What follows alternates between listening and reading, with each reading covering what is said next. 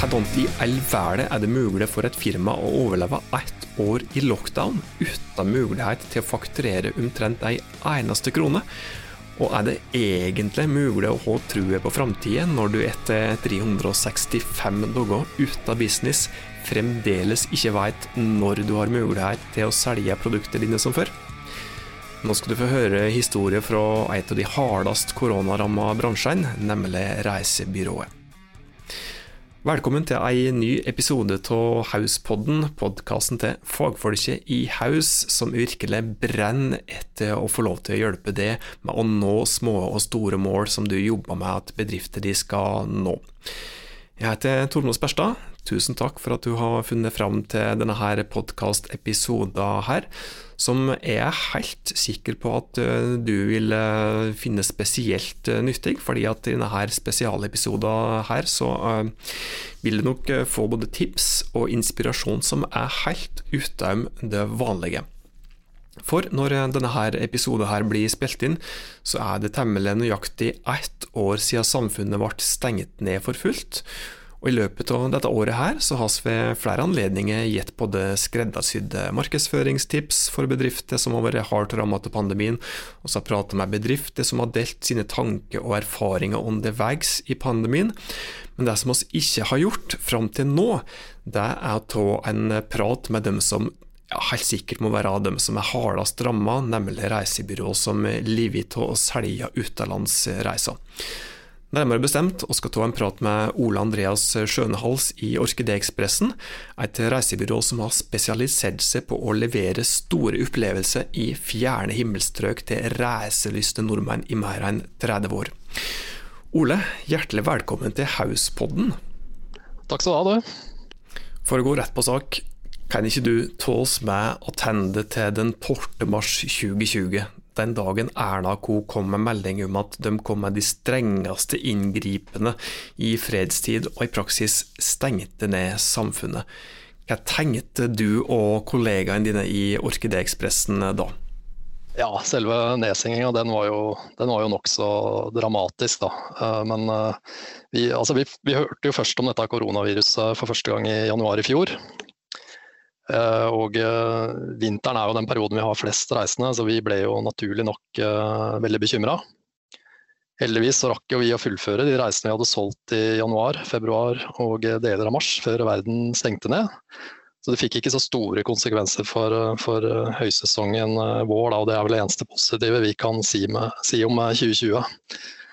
Men ja, selve nedstenginga den var nokså dramatisk. Alt ble jo snudd fullstendig på huet. Det var tett på påska, så vi måtte jo avbestille eller booke om reiser som skulle foregå innen et uh, par dager. Og uh, da som nå ante ikke vi hvor lenge det skulle vare heller, så det var uh, rimelig kaotisk. I tillegg da, så hadde vi jo et par hundre reisende på tur som vi måtte prøve å få hjem igjen tidligere enn planlagt. Og det var ingen enkel oppgave. Grensene ble jo stengt eh, fortløpende, og eh, flyselskapene kansellerte avgangene sine i tur og orden. Så det ble jo et eh, race mot klokka da, for å få folk hjem igjen. Så det var en ekstremt utfordrende situasjon, men all honnør til våre ansatte da, som sto på for å få kundene våre hjem igjen og tilbake i trygghet. De gjorde en kjempeinnsats. Går det an å beskrive den følelsen som dere, som dere satt med der da, eller? Nei, det, altså, som sagt, ble, alt ble snudd på huet. Så du, du, må jo, du, må jo, bare slippe alt du driver med og uh, ta vare på kundene så, så, godt du bare kan ganske dramatisk, da, det som skjedde slik innledningsvis, i hvert fall, og, og mye som skjedde. Eh, men etter å ha hørt den ganske dramatiske historien de så langt, da, så dere visste jo en helt utrolig handlekraft. Dere fikk eh, folk hjem igjen, altså folk som eh, gjestet dere som var ute på tur, og dere tok tak i det som måtte tas tak i der og da. Men når dere etter hvert fikk landa litt, og kanskje òg etter hvert så noe av de virkelige konsekvensene til denne pandemien, hvordan hadde det egentlig vært for et eh, reisebyrå som Orkideekspressen å drive på? Ja, det, blir jo, det blir jo godt over et år da, eh, der dere strengt tatt ikke har hatt mulighet til å selge noe som helst. Hvordan har dette her året for dere eh, vært fra nedstengning fram til og med i dag? Ja, det har jo vært veldig, veldig veldig vanskelig, og det har vært veldig uforutsigbart. Og vi har tatt det litt sånn måned for måned. og vi har gjerne vært litt mer, vi var gjerne litt mer optimistiske i starten og så for oss kanskje at sommeren 2020 da skulle det åpnes opp igjen, men så har det bare blitt utvida og utvida. Nå står vi igjen da, i en situasjon hvor, hvor smitten blomstrer. Så, så, det har vært et vanskelig år, ja. Det har det. Hvilke grep har dere tatt underveis for i det hele tatt greie å holde hodet over vann og holde bedrifter flytende i ei slik krise som dette her? Nei, Vi har jo måttet kutte kraftig i kostnadene våre. Eh, og så har vi selvsagt måttet permittere ansatte, helt eller delvis. Eh, heldigvis har vi tilgang til å søke kompensasjon for faste kostnader, og eh, permitteringsreglene per i dag er, eh, er gunstige, for å kalle det Tillegg har vi fått midler av staten til å dekke noen av de avbestillingene og refusjonene som vi hadde i starten av pandemien, og det hjelper vi også på, da, selv om det ikke har dekka alt. Men uh, ja, selv om det har sett mørkt ut, så har ikke vi valgt å stenge helt ned. Vi, vi prøver å holde hjula noenlunde i gang og hjelper de kundene som planlegger uh, reiser lenger frem i tid, da, når pandemien slipper taket. For den, den, dagen kommer. Er det en spesiell grunn til at dere har akkurat det fokuset der, og så prøve å hjelpe de kundene eh, som fremdeles viser at de ønsker å bruke Orkideekspressen når de skal ut på reiser til, til fjerne himmelstrøk? Ja, vi, vi, har jo ikke et ønske om å, om å forsvinne helt, så vi, vi, vi, prøver jo så godt vi kan å holde uh, de kundene vi kan, varme mens vi kan. Det handler kanskje òg litt om posisjonering. Jobbe med å være godt synlig, slik at eh, dere er klare til å ta imot kundene den dagen det faktisk er lov å reise igjen, da? Ja, absolutt. Absolutt. Ett år har gått, eller det har jo da faktisk eh, strengt tatt gått mer enn ett år siden, siden samfunnet ble stengt ned. Fremdeles er det bortimot umulig å reise noe sted i det hele tatt. Og den dagen som vi spiller inn denne episoden her, så blir det faktisk nok en gang slått en ny dyster smitterekord i Norge. Og da er det nærliggende å spørre hvilke tanker har du om den tida som vi er inne i nå, og ikke minst hvilke tanker har et reisebyrå som Orkideekspressen om den tida som kommer nå framover? Nei, altså vi, vi, må jo sette vår lit til eh, vaksinene. Eh, og det er jo et håp om at man kan reise og feriere i Europa til sommeren. Det hjelper jo ikke oss da, som sender folk ut av Europa, men det går i hvert fall riktig vei da, man skal tolke signalene som gis. for våre reisemål i Asia så har vi jo et, også et håp om åpning til sommeren, men det eneste jo å se da, hva som skjer. Man må nesten bare ta det måned for måned. Det er jo vanskelig å komme med noe spådomme, det forstår jeg jo, men, men hvis du skulle prøve å se litt inn i spåkula, når tror du at dere kan operere noenlunde normalt, at, hvis det i hele tatt eh, er lov da, til å, å, tro at det kommer noe som minner om normale tider? Ja, nei, det, er litt vanskelig å si. Jeg tror uh, før man kommer dit, så vil det bli delvis åpning. Men ja, som sagt, jeg har et håp om fra sommeren, da. Men vi får, vi får se. En ting er jo de direkte konsekvensene som pandemien har hatt for Orkideekspressen og kundene som dere har. Men dere har jo òg utrolig mange destinasjoner som dere sender reiselystne til, og dere har jo utrolig mange underleverandører òg. Hvordan greier dere å holde på samarbeidet med disse her underleverandørene? Det òg kan vel være ei utfordring i seg sjøl? Ja, eh, vi i Norge er jo, er jo, ekstremt heldige. Eh, og de landene vi sender våre kunder til, de, de har jo ikke på langt nær samme apparat til å takle kriser som det her.